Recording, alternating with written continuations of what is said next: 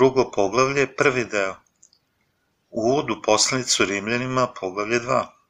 U ovom svetu dve grupe, jevreji i hrišćani, veruju u Boga i među ovim ljudima postoje takođe oni koji veruju u Isusa i oni koji ne veruju. Bog se obazire na veru onih koji ne veruju u Isusa kao beskorisnom. Međutim, najveći problem hrišćanskih lica je da oni veruju u Isusa na neki način, ali nisu još izbavljeni od svojih grehova. Apostol Pavle govori o ovoj temi u Rimljanima poglavlje 2. Ne samo u Jevreju i Grku, već takođe i današnjim hrišćanima. Jevreji lakomo osuđuju druge. Apostol Pavle zamera obema jevrejima i hrišćanima koji imaju istu vrstu vere. U Rimljanima 2.1 Pavle kaže O čoveče, kogod da si ti koji sudiš, zamera onima koji su zatrovani sa mišljenjem o superiornosti bilo jevreja ili hrišćana,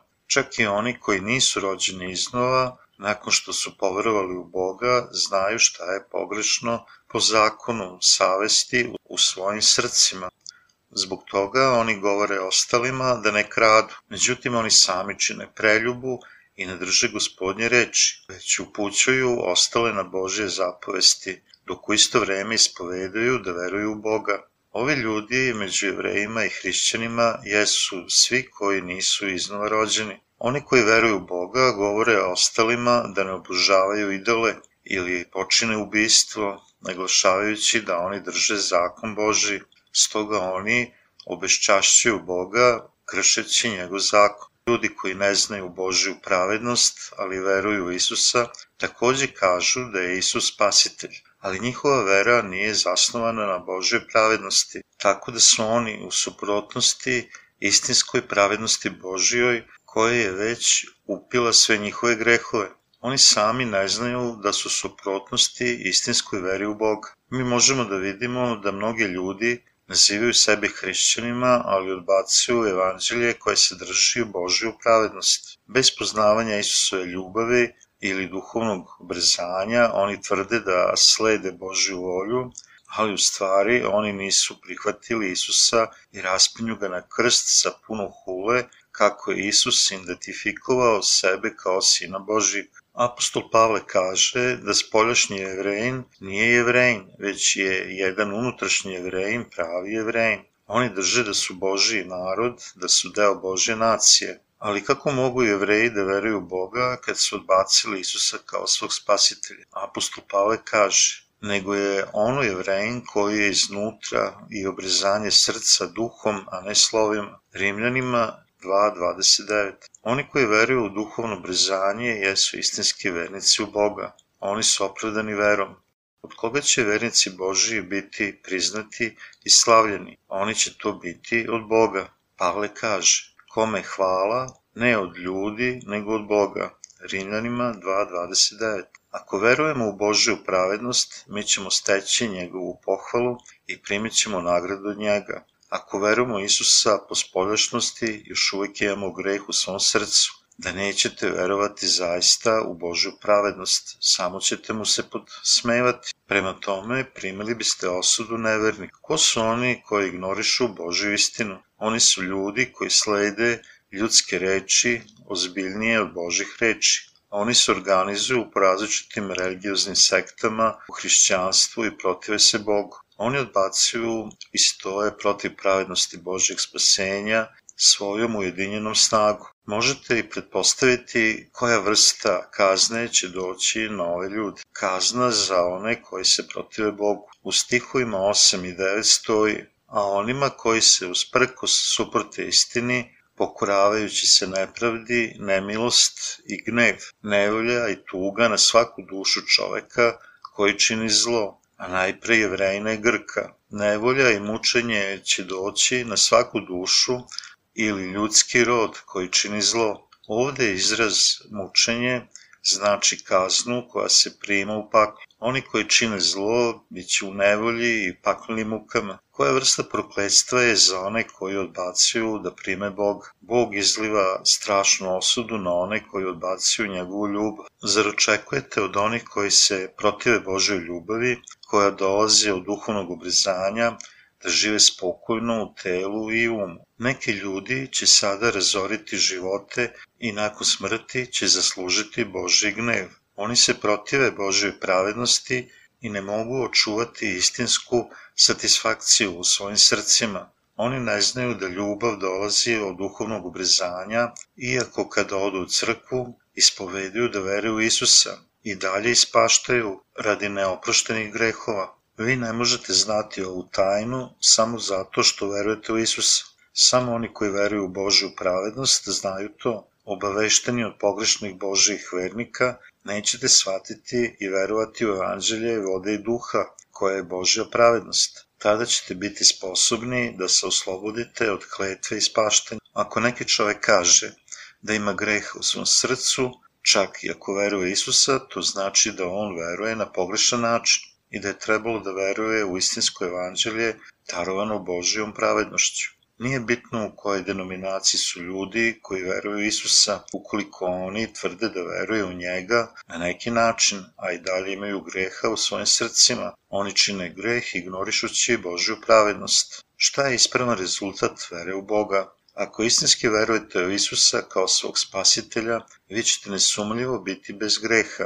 Međutim, ako imate greha u svom srcu, iako ste poverovali u Isusa, to znači da vi niste potpuno shvatili Božju pravednost. Gospod koji je spasao sve grešnike od njihovih grehova, već je dolazio u telu, spasao grešnike i postao spasitelj za sve vernike. Onda može li neka osoba ko zaista veruje u vodu i svetu duha imati greh? Osoba neće imati greh, ona, ona zaista veruju u Božju pravednost od trenutka kad su on, ona poverovali u Isusa, ali zato što on ignorišu Božju pravednost, dok veruju Isusa na neki način tako da njegovo njeno srce ima greh. Stoga vi morate odustati od vaše tvrdoglavosti upravo sada. Ja sam verovao Isusa pogrešno. Tada, na kakav način sam poznavao Isusa i verovao. Ja sam došao do shvatanja da je krst najvažniji u veri Isusovoj, ali njegovo krštenje je takođe veoma bitno. Sada sam došao do shvatanja da je Isus bio raspet na krstu i da je primio presudu od sveštenika, jer je on preozao sve grehe sveta kroz svoje krštenje. Vi možete da shvatite ovu istinu i da verujete u nju. Oni koji postaju tvrdoglavi i protive se gospodu primjeće Božju kaznu u saglasnosti sa ovim. Rezultat je biće stavljeno u paklenu vatru. Stoga u Mateju 7.22 stoji, mnogi će reći meni u onaj dan, gospode, gospode, nismo li u tvoje ime prorokovali, tvojim imenom đavola izgonili i tvojim imenom čudesa mnoga tvorili. Kada gospod dođe iznova, oni koji ne veruju u Božju pravednost, imaju grehe u svojim srcima, dok po spoljašnosti licimerno veruju Isusa, bit će osuđeni pred Bogom. Oni će reći gospodu, nisam li ja verovao u tebe valjano, nisam li ja istrivao demone u tvoje ime i govorio na jezicima, nisam li ja tebe služio, gospode. Međutim, gospod će reći, idite od mene, vi koji činite bezakonje. Ovo ukazuje na one koji ne veruju u Božju pravednost. Kako možete reći da verujete u mene, kada ne verujete da sam ja preuzao sve vaše grehe, primivši krštenje i umrevši na krstu. Lažljivici, vi ćete ući u večito gorući plamen. Tvoj greh je što si lažni prorok koji vodi mnoge ljude u pakao. Oni koji ne veruju u njegovu pravednost i ne odustaju od svoje trdoglavosti, primit će strašni Boži gnev. Najbolji primer ove vrste su jevreji. Oni i dalje ostaju tvrdoglavi pred Bogom do današnjeg dana. Oni ne veruju u Božju pravednost kroz Isusa Hrista. Čak i među protestantima ima puno tvrdoglavih hrišćana koji kažu da njihovi dnevni gresi mogu biti oprošteni svaki put kada upućuju molitve pokajanja. Ovi ljudi bi trebalo da odustanu od svoje tvrdoglavosti i neverovanja u Božju pravednost da bi izbegli ogorčenost.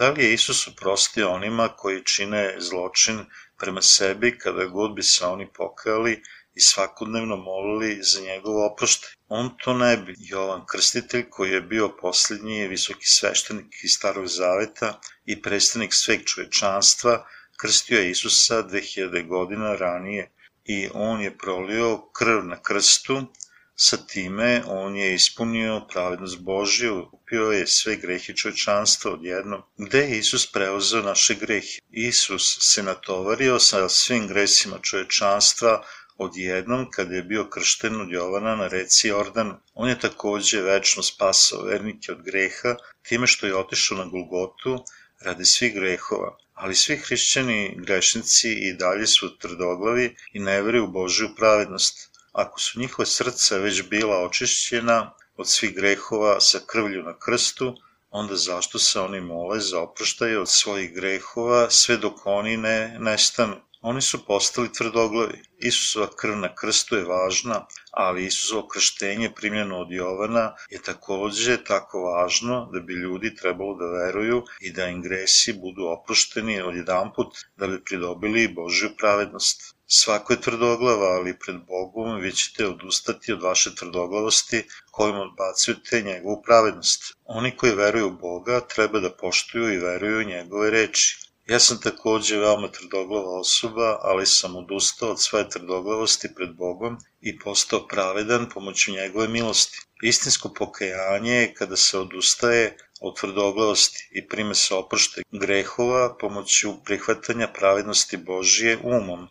Nakon što nam bude oprošteno, mi treba da izmenimo naše pogrešne puteve i spoznamo svoje propuste, nastojeći da živimo bolje duhovne živote pred Bogom. Poslednje je pokajanje u stvarnom životu iznova rođenih svetih. Oni koji veruju Isusa, a još ne znaju Božju pravednost, bit će uništeni. Ovi ljudi bi trebali da odustanu od svog tvrdoglavog puta, pokaju se i veruju u krštenje i krst Isusov radi otpuštanja njihovih grehova. Dela 3.19 Gospod nam daje zapovesti da bi primili oproštaj od grehova odjednom putem vere, njegovu pravednost. Mi treba da slušamo Boga i slušamo njegove reči da bi mogli biti savršeno pravedni ljudi, a da bi nam bilo oprošteno od svih naših grehova. Odjednom putem vere u istinu da Isus okajao sve naše grehe kroz svoje krštenje i raspeće. Kada osoba veruje u Božju pravednost, njemu njoj će biti oprošteno od svih grehova i primiće svetog duha na dar. Svi apostoli i učenici Isusovi verovali su u Božju pravednost i primili su otpuštanje grehova u isto vreme. Vi takođe ne treba da ste tvrdoglavi pred istinom, vi treba da ste tvrdoglavi u pravo vreme. Ako ne razumete duhovno obrazanje, treba da naučite o njemu i verujete u to. Tako neće ostati tvrdoglavosti. Treba da se pokajete i verujete. Ljudi odbacuju istinu i rugaju se bez da su spoznali istinu duhovnog obrazanja. To je pogrešno. Kako neka osoba može postati pravedna kada čini grehe svakodnevno? Vi znate, Bog je u pravo vreme u Isusu nazvao pravednima iako su oni i dalje bili grešni. To je doktrina opravdanja.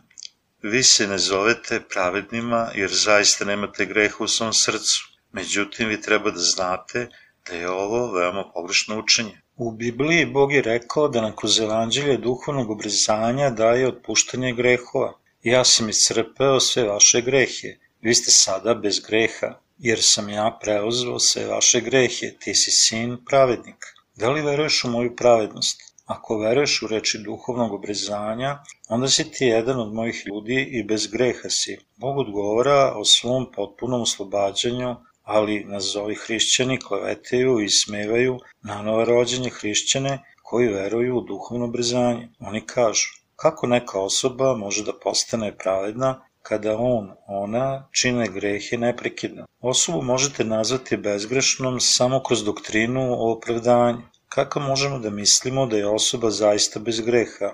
Osoba ne može drugo osim da greši svaki dan. Oni klevetaju poput ovog i ostaju tvrdoglavi jer ne veruju u pravednost Božju. Ali Bog daje večne živote onima koji su istreni i dobro čine. Oni koji traže slavu, čast i besmrtnost putem istrajnosti, nastavljajući da rade dobro, postaće deca Božija. ali oni koji to ne čine primeće kaznu. Svako želi da postane dete Božije i živi večnim životom. Isus daje večne živote onima koji stvarno žele da žive večno i imaju živote bez greha. Šta ja zaista želim, gospode, je da verujem u otpuštanje greha kroz duhovno obrizanje, tako mogu živeti život bez da me nešto postidi u mojoj savesti. Ja želim da postanem tvoje dete, ja želim da verujem u tvoju pravednost i učinim tebe srećnim. Ja želim da postanem bezgrešan. Molim spasi me od svih mojih grehova, za one koje traže Božju pravednost i žele da im se oproste svi njihovi gresi. Bog sluša sve njihove želje i oprašta sve njihove grehe, dajući im evanđelje Božje pravednosti. Onima koji žele da žive večno, Bog daje večni život. Šta je to duhovno brezanje? Ovo znači otpuštanje grehova izvršenim kroz Isusovo krštenje i njegovu krv na krstu. Krv Jagnjetova je sveštenička presuda i Isusovo krštenje od Jovana znači da su gresi sa sveta bili preneti na Isusa. Čak i danas hrišćanstvo ne može da ignoriše stari zavet jer onda se ne može verovati u Novi Zavet. U pismu možemo naći da je duhovno brizanje i krv jagnjetova pashe ritual veoma bliske povezanosti. U 1. Jovanu 5.6 je rečeno da Isus dolazi ne samo vodom, već putem vode i krvi. Isus nije došao samo vodom ili krvlju, već kroz oba. Vi treba da verujete u duhovno brizanje sadržano u rečima vode i krvi i u duh da bi bili oslobođeni od svih vaših grehova. Čitajući izlazak poglavlje 12, postavio sam pitanje u vezi duhovnog obrezanja. Na šta se u poglavlju izlaska 12 mislilo? Ja sam pažljivo gledao unutar poglavlja i sve povezane pasose u Bibliji, iznova i iznova. Ja sam došao do shvatanja da su Izraelci bili u mogućnosti da učestvuju u slavljanju Pasje jer su primili obrezanje i u Novom Zavetu je rečeno da Isus nije jednostavno prolio krv na krstu, već da je krv prolio jer je on bio kršten od Jovana. Bog je izrekao Izraelcima dva propisa za zakonito slavljanje paske, da najpre prime obrezanje i zatim da jedu meso od pashalnog jagnjeta putem Jovanovog krštenja i da je on prolio krv na krstu. Ja sam pronašao da je prihvatanje ove činjenice u stvari primanje duhovnog obrezanja. Isus Hristos je bio kršten od Jovana na Jordanu, tako je on poneo grehe sveta i zato je on trebalo da umre na krstu kako bi primio presudu umesto nas. Vi možete da iskusite spasenje od svih grehova prihvatanjem ove istine u vaše srce. Da bi osoba primila spasenje od svih grehova, on, ona treba da veruju u Božju pravednost, koja nam može dati duhovno brzanje. Ljudima je potrebno da shvate ovu istinu. Vi čitoci treba da osetite istinu da je duhovno brzanje iz starog zaveta i krštenje Isusa u novom zavetu paran oblik što se tiče otpuštanja grehova. Isus nije primio presudu zato što je on zgrešio, već je on umro na krstu radi čovečanstva, radi kojeg je on bio kršten da ponese grehe sa sveta na svom telu. To je vera onih koji su primili duhovno brizanje. Oni koji veruju u Božiju pravednost kroz duhovno brizanje nemaju greha jer oni istinski veruju u Isusa. Ja žalim one koji veruju u Isusa na neki način, a da još nisu primili duhovno brizanje od Boga. Oni treba da veruju u istinu da je Isus preozao sve grehe sveta kad je njega krstio Jovan. Na nesreću većina hrišćana veruje samo u krst, a ne u Isusovo krštenje. Stoga oni nemaju veru u Božju pravednost. Mi treba da znamo da moramo verovati u ono što nam je Bog rekao u pismu. Mi treba da to razlučimo bez obzira da li je nauka ili učenje teologa i da verujemo samo u Bože reči koje će nas voditi do njegove pravednosti. Ovo je tako jer reči bez njegove pravednosti nisu zaista Bože reči. Evanđelje bez duhovnog obrezanja nije potpuno. Zato u Bibliji Bog govori učestalo o obrezanju iz Starog zaveta i krštenju u Isusovom iz Novog zaveta. Drugim rečima to govori o obrezanju i krvi od paskalnog jagnjeta u Starom zavetu u paraleli sa Isusovim krštenjem i njegovom krvlju iz Novog zaveta. Mi treba da verujemo u ovu istinu da bi primili duhovno obrezanje. Međutim, ako ne verujemo u ovu istinu, mi ćemo biti stavljeni van carstva nebeskog. Da li je Božja pravednost ispunjena samo putem njegove krvi na krstu? To nije tako. Božja pravednost je bila ispunjena sa Isusovim krštenjem i njegovom krvlju na krstu. Tako mi primamo duhovno brizanje u naše srca, ne samo njegovom prolivenom krvlju na krstu, već i krštenjem koje je on prihvatio od Jovana. Duhovno brizanje je moguće za nas od vremena kad je Isus upio sve naše grehe kroz svoje krštenje i iskupljenje, svojom smrću na krstu. Obrezanje znači odseći. Isaija je prorokao da će Mesija Isus Hrist primiti svešteničku presudu za naše grehe ranjavanjem i ozledavno. Stoga tu je nešto što mi treba da znamo pre nego krenemo dalje.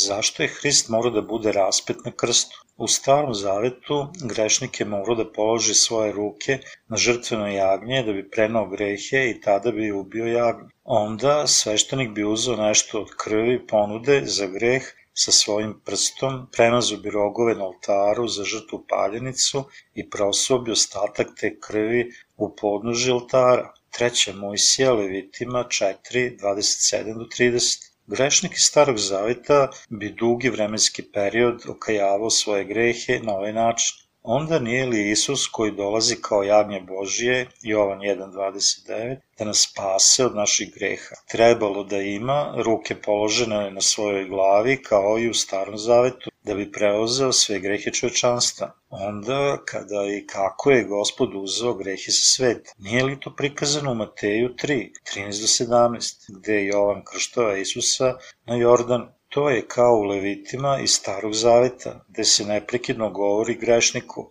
i neka metne ruku svoju na glavu žrtvi paljenici. Levitima 1, 4, 3, 8, 4.29, da bi preneli grehe. Visoki sveštenik u Starom Zavetu je morao da položi svoje ruke na glavu jagnjeta i da prenese na njega sve grehe Izraelja. Levitima 16.21. Onda on bi uzeo nešto od te krvi premazao bi je na rogove oltara žrte paljenice i prosuo bi ostatak krvi u podnoži oltara. Oni su primali oslobođenje od grehova na ovaj način. Na način kao ovaj, naše otpuštanje grehova je postalo moguće kroz Isusovo krštenje od Jovana i njegove krvi na krstu. To je bila Božja pravednost i duhovno obrizanje koje Bog želi da nam da u okviru Biblije. Stoga, nama koji verujemo u Božje pravednost, gresi su odsečeni pomoću Isusovog krštenja od Jovana i njegove krvi na krstu. Kad razumemo značenje Isusovog krštenja u Novom Zavetu i vezu sa obrezanjem Starog Zaveta, dolazimo do vere u Božju pravednost i istinski prijamo duhovno obrezanje u svoje srce. Istinsko duhovno obrezanje u Novom Zavetu. Hajde da pogledamo Mateja 3, 13 do 15. Tada dođe Isus iz Galileje na Jordan k Jovanu da se krsti, a Jovan braniše mu govoreći, ti treba mene da krstiš, a ti li dolaziš k meni? A Isus odgovori i reče mu, ostavi sad, jer tako nam treba ispuniti svaku pravdu. Tada Jovan ostavi. Jovan krstitelj je krstio Isusa na Jordanu. On je položio svoje ruke na Isusovu glavu i krstio ga. Krstiti baptizo na grčkom znači umočiti i potopiti u vodu. Da bi Isus umro na krstu radi naših grehova, on je najpre morao da uzme naše grehe kroz krštenje. Tako, on je najpre bio kršten od Jovana, tako što je potopljen pod vodu. Zašto je on bio kršten? Radi toga što se tek njegovim krštenjem sva Božja pravednost mogla ispuniti. To je bilo pravedno i dolično da on uzme ljudske grehe svojim krštenjem i da on postane naš gospod i spasitelj. Bilo je svrsishodno da Isus umre na krstu, natovaren svim našim gresima, preuzetnim kroz njegovo krštenje na svoje telo. Prva stvar koju Isus ikad učinio u svom javnom životu bila je da primi krštenje. Krštenje baptizma na grčkom ukazuje na oprati, zariti, preneti, sprovesti. U starom zavetu, deseti dan sedmog meseca bio je dan iskupljenja za Izraelce i Aron je polagao svoje ruke na žrtvenog jarca da prenese sve grehe Izraelja. Od dva jarca jedan bi se ponudio Bogu, a drugi je bio kao ponuda pred Izraeljem za iskupljenje. Levitima 16. U Novom Zavetu Isus je primio sve naše grehe, budući kršten od Jovana. Sledećeg dana od njegovog krštenja Jovan pokazuje svojim prstom na njega i kaže Gle, jagnje Božije koje uze nase grehe sveta. Jovan 1.29 Vi morate da prihvatite da duhovno brizanje nije moguće samo verom u njegovu krv. Hajde da vidimo, počevši od prve Jovanove 5.4. Jer svaki koji je rođen od Boga pobeđuje svet i vera je naša ova pobeda koja pobedi svet. Ko je koji svet pobeđuje osim onog koji veruje da je Isus sin Boži Ovo je Isus Hristus što dođe vodom i krvlju i duhom, ne samo vodom, nego vodom i krvlju. Duh je koji svedoči, jer je duh istina, jer je troje što svedoči na nebu, Otac, Reč i Sveti Duh. I ovo je troje jedno, i troje što svedoči na zemlji, duh i voda i krv, i troje zajedno. Kada primamo svedočanstvo čovečije, svedočanstvo je Božje veće, jer je ovo svedočanstvo Božje što svedoči za Sina svog. Koji veruje Sina Božijeg ima svedočanstvo sebi, koji ne veruje Bogu, načinio ga je lažom, jer ne verova svedočanstvo koje svedoči Bog za Sina svog. I ovo je svedočanstvo da nam je Bog dao život večni, i ovaj život večni u Sinu je njegovom. Ko ima Sina Božijeg, ima i život. Ko nema Sina Božijeg, nema život. 1. Jovanova 5, 4 do 12. Šta je dokaz za duhovno brizanje? To je vera zabadava i u Isusovo krštenje i u njegovu krv kao naše spasenje. Pobjeda koja je nadvladala svet je voda i krv. Ovo je Isus Hristos što dođe vodom i krvlju i duhom, ne samo vodom, nego vodom i krvlju. I duh je koji svedoči, jer je duh istina, i troje što svedoči na zemlji, duh i voda i krv.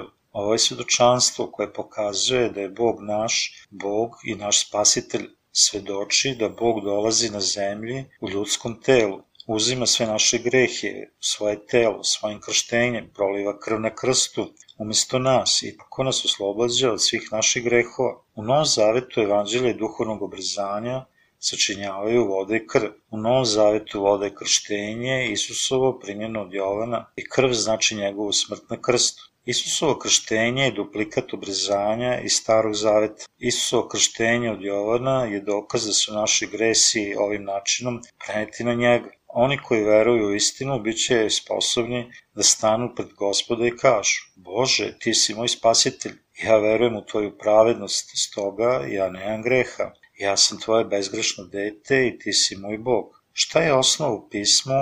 Daje uzvik poverenja na ovaj način. To je vera u Isuvo krštavanje i njegovu krv na krstu, kojom je sačinjena Božja pravednost. Prihvatanje Božje pravednosti za svoju pravednost ne bi bilo moguće samo u Hristovom krvlju. To je načinjeno doboje, njegovim krštenjem i krvlju njegovom. Hajde da pogledamo na pasose u vezi neophodnosti Isusovog krštenja u našem spasenju. 1. Petrova 3.21 je dokaz ove istine. Za spomen toga i nas sada spašava krštenje, ali ne pranje telesne nečistote, nego obećanje dobre savesti Bogu vaskrsenjem Isusa Hrista. Apostol Petar je upravo govorio o nesumnjivom pokazatelju našeg spasenja. Isusovo krštenje i obrezanje u starom zavetu. Da li razumete? Kao što su Izraelci odsecali kožicu pri obrezanju u starom zavetu, u novom zavetu Isus je bio kršten od Jovana i uzeo je sve grehe sveta,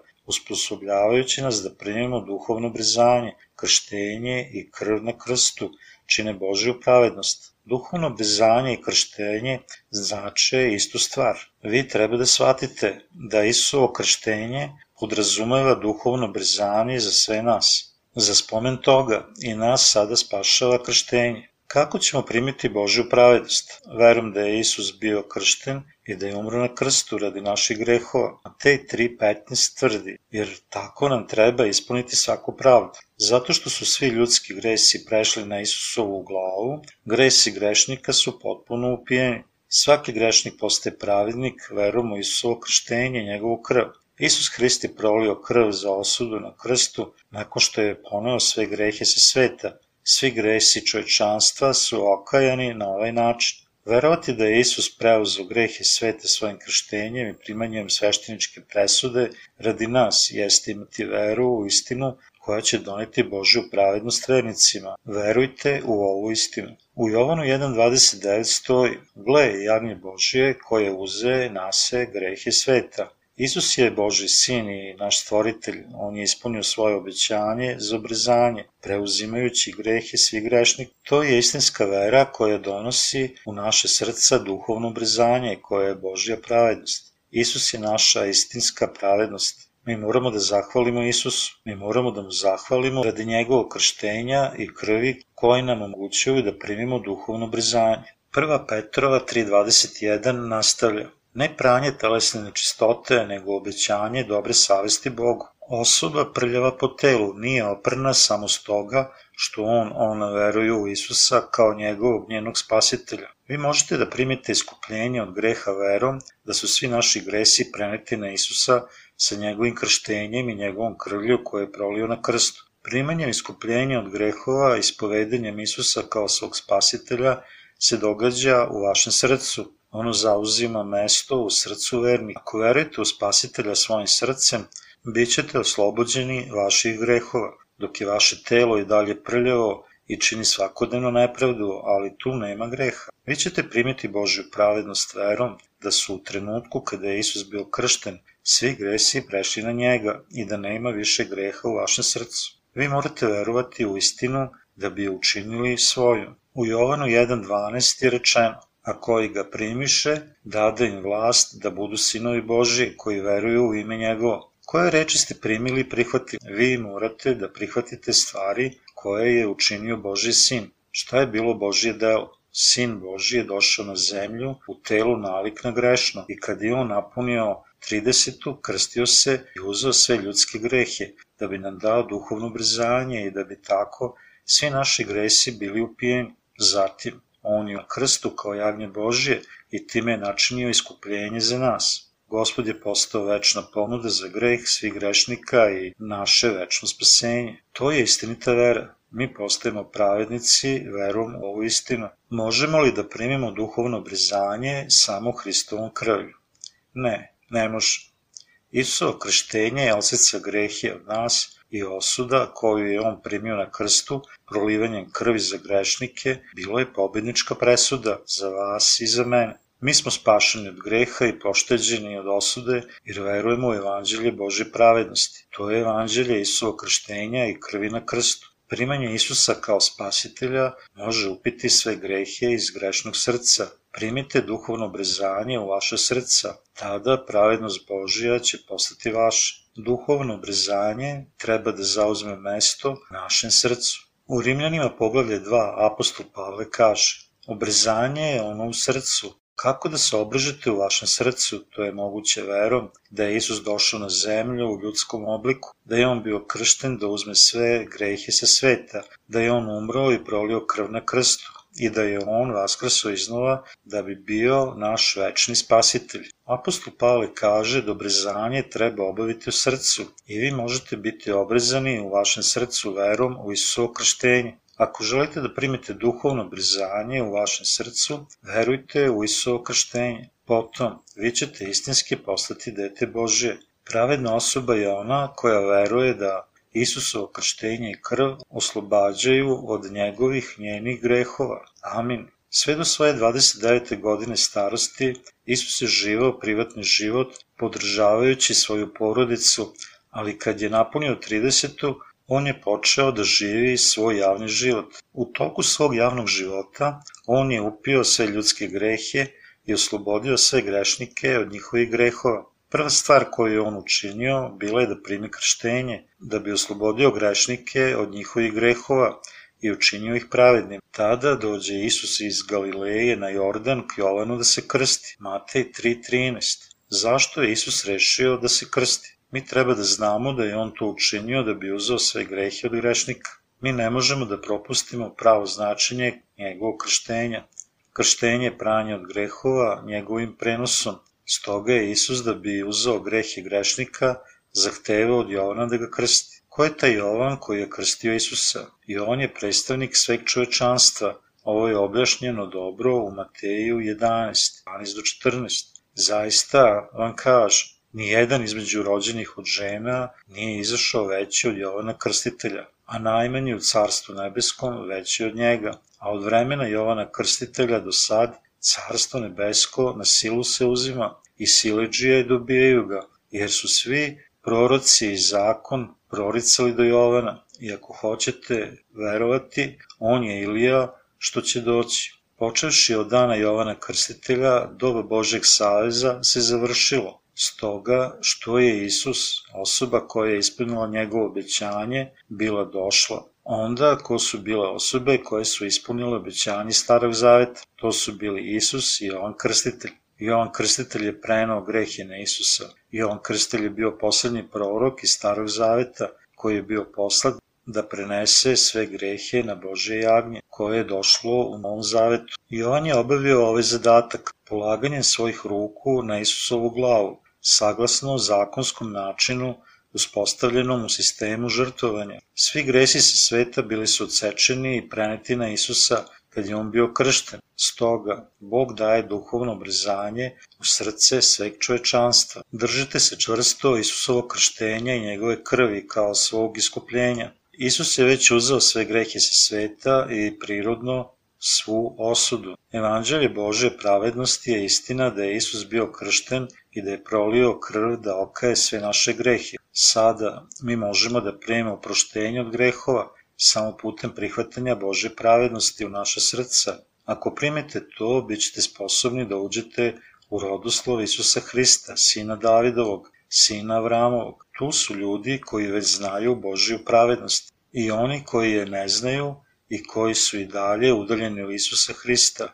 Sunce je postavljeno, veruj u Isuso krštenje i zapiši se njime. Vera u krštenje će postati tvoje ulje, pripremljeno za svadbenu svečanost. Ja se nadam da znaš tajnu kako da ćeš pripremiti ulje za lampu radi našeg susreta sa drugim dolaskom gospoda Isusa upravo putem vere u Isuo krštenje i njegove krvi na krstu. Isus je primio krštenje, te je stoga on upio grehe svakoga. Isus je sin Boži i božanska ličnost. On je naš stvoritelj, on je došao na zemlju po volji svog oca, da bi nas usvojio kao Božju decu.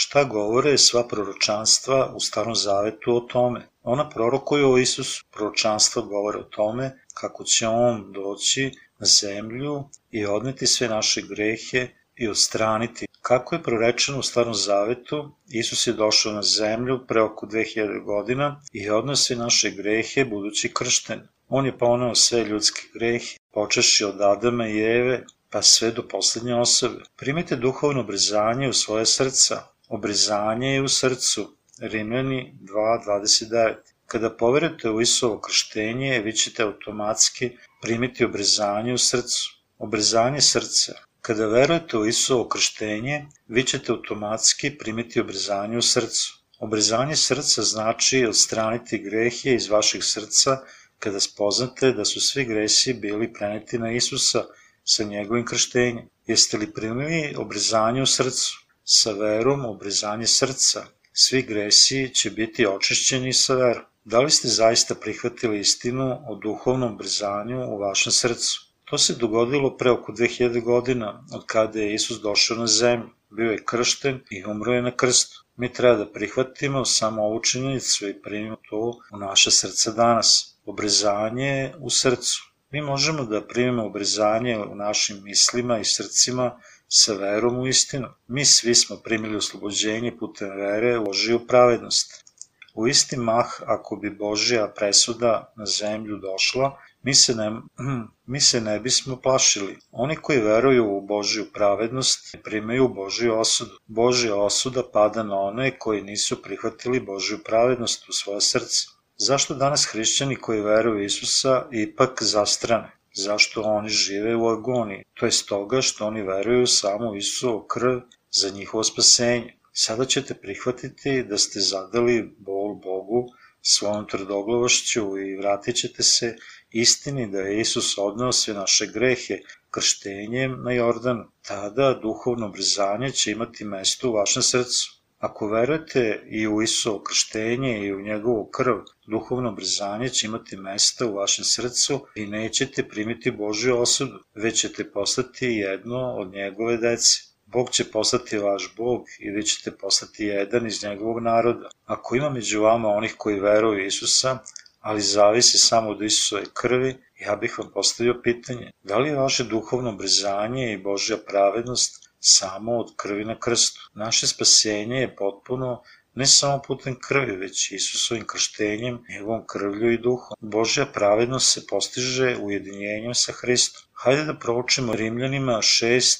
3 do 8. Ili ne znate da svi koji se krstismo u Isusa Hrista, u smrt njegovu krstismo se, tako da se njim pogrebo smo krštenjem u smrt, da kao što usta Hristos iz mrtvih, slavom očevom, tako i mi u novom životu da hodimo. Jer kad smo jednaki s njim jednakom smrću, bit ćemo i vaskrsenje. Znajući ovo da se stari naš čovek raspe s njime, da bi se telo grešno pokvarilo, da više ne bismo služili grehu, jer koji umre oprosti se od greha, a ako umre smo s Hristom, verujemo da ćemo i živeti s njim. Stih 5 tvrdi, jer kad smo jednaki s njim jednakom smrću, bit ćemo i vaskrsenje. Biblija kaže da je plata za greh smrt, tako je i kogod ima greh, ispaštaće i otići u pakao. Niste li svi vi ranije imali greha pre vere u potpunu istinu u Isusu? Da, čak i ako ignorišete većinu greha, otići ćete u pakao i primit ćete presudu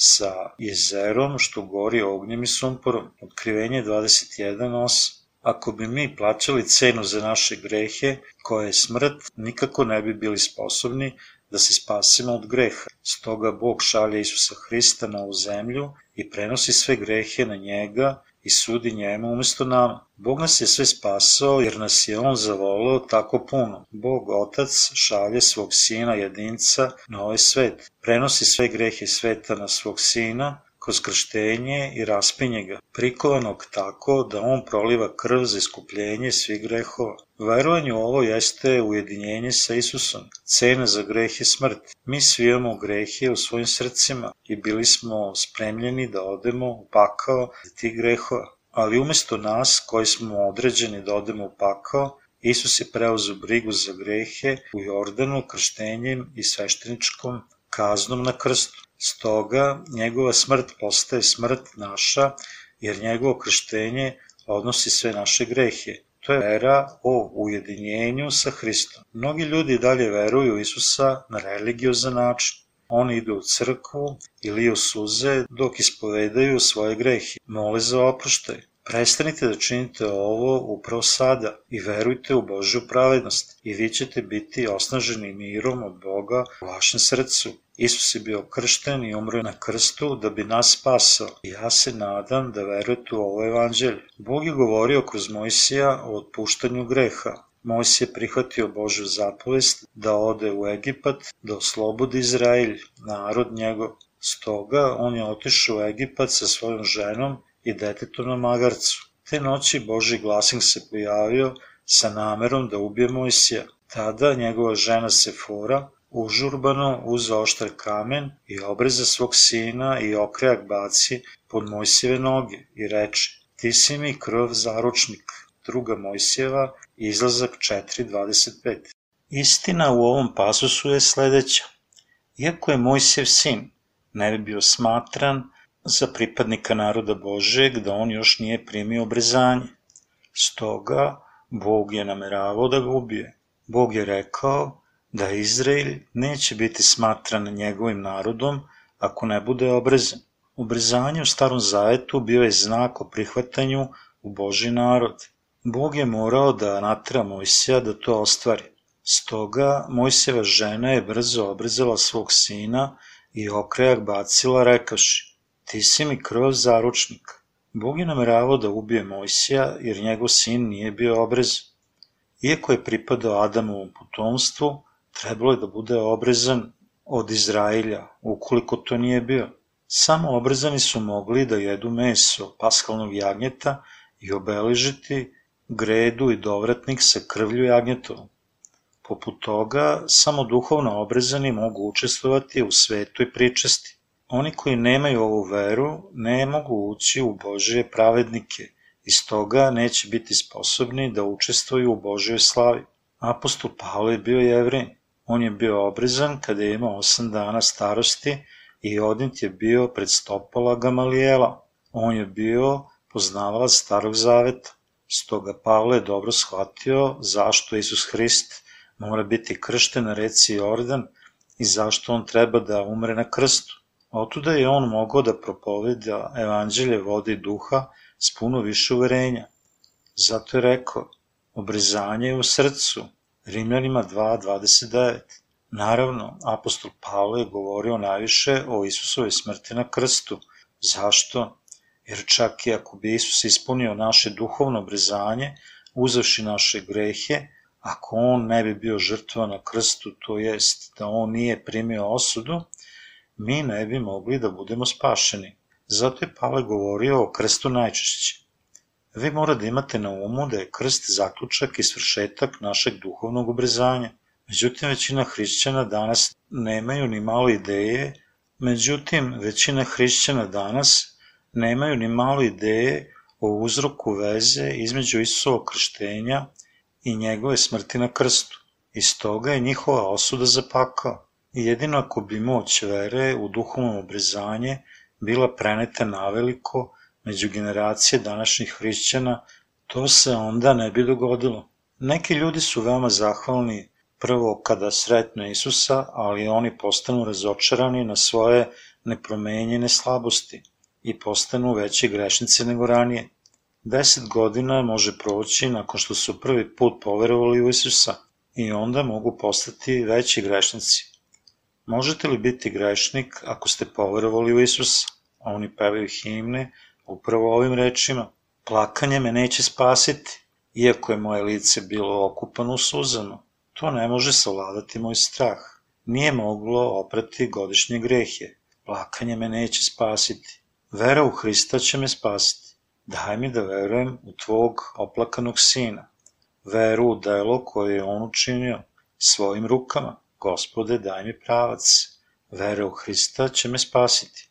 Oni pevaju, plakanje me neće spasiti, vera u Hrista će me spasiti, ali da li je to samo na rečima? Oni moli lijući suze svaki put kad zgreše.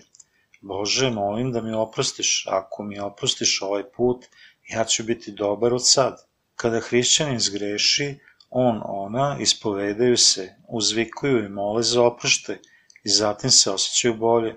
Ali osoba koja ovo ponavlja godinama postaje više grešna u svom srcu nego kad je prvi put poverovala u Isusa pre deset godina.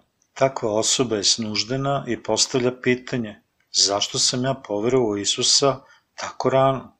Trebalo je da poverujem u njega kad napunim 80 ili neposredno pred moj poslednji dah.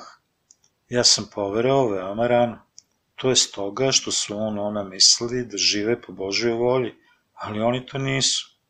Greh svake osobe mora biti osuđen. Zato je Isus bio kršten i osuđen na krst. Prolio svoju dragocenu krv da bi mogao nas da spase od naših grehova. On je ustao iznova iz mrtvih nakon tri dana. Bog Otac je vaskrsao Isusa iznova u život. Osoba koja veruje u duhovno brezanje može i živi život šireći evanđelje. Duhovno brezanje je pokazatelj da mi treba da postanemo Božje dete i to je Božja pravednost. Isusovo krštenje je pokazatelj da su naši gresi preneti na njega i njegova dragocena krv na krstu je pokazatelj da je on platio cenu za naše grehe primenjem svešteničke osude. Da li vi verujete u Isusa i još imate srce puno greha? To je vera jeretika. U Titu 30 stoji Čoveka jeretika po prvom i drugom savjetovanju kloni se, znajući da se takav izopačio i greši i same sebe osudio. Oni koji imaju veru jeretika samo osuđeni su grešnici. Oni insistiraju da su grešnici iako im se preti smrću. Oni su previše tvrdoglavi da izmene svoje nerazumevanje. Bog govori o ovim grešnicima. Vi ste jeretici, vi ste grešnici, vi niste moja deca i vi ćete pristupiti večnoj vatri pakla. Oni koji veruju u Isusa, a još nisu prihvatili Božju pravednost ili duhovno obrizanje, Isusovo krštenje krvi, jesu eretički hrišćani i veliki grešnici koji ne mogu drugo osim da ispovede samo grešnost pred Bogom. Grešnici koji ne veruju u Isusovu pravednost ne mogu ući u njegovo carstvo. Oni koji postaju pravednici nakon što poveruju u Isusa evidentno primaju duhovno obrizanje u svoje srca – Sledeće je evidentno. Isus je Bog koji je došao u telu čoveka i on je bio kršten i prolio je krv na krstu. Isus je došao na zemlju i bio je kršten od Jovana Krstitelja da bi uzeo grehe sveta. On je primio osudu na krstu da učini veru savršenom za one koji veruju u duhovno obrazanje.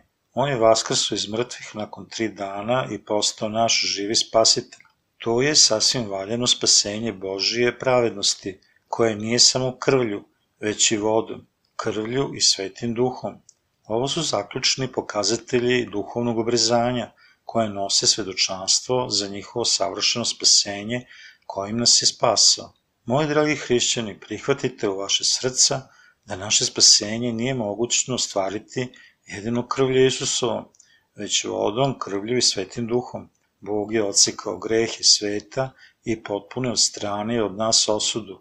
Ne samo da je on odsekao moje grehe, već takođe i grehe sveta, počeši od Adamovih do greha poslednje osobe na zemlji.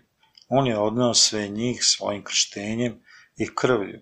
Primanje duhovnog obrezanja spašće svakoga ko veruje u Božju pravednost, koja je ispunjena Isusom koji je došao vodom i krvlju. Svi gresi sveta su odsečeni Isusovim krštenjem od Jovana. Sada oni koji veruju u duhovno obrezanje ne mogu imati greh u svojim srcima. Isus je iz mrtvih ustao iznova i podigao je svojom pravednošću naše duše koje su bile izgubljene u grehu. Bog nas je tražio svojim evanđeljem Isusovog krštenja, njegove krvi i duha, i mi sada možemo da budemo spašeni duhovnim obrezanjem. Duhovno obrezanje je bilo Boži plan u Isusu, čak i pre kreacije, radi onih koji veruju. Sada vi koji verujete u Božju pravednost, takođe ste primili i duhovno obrezanje.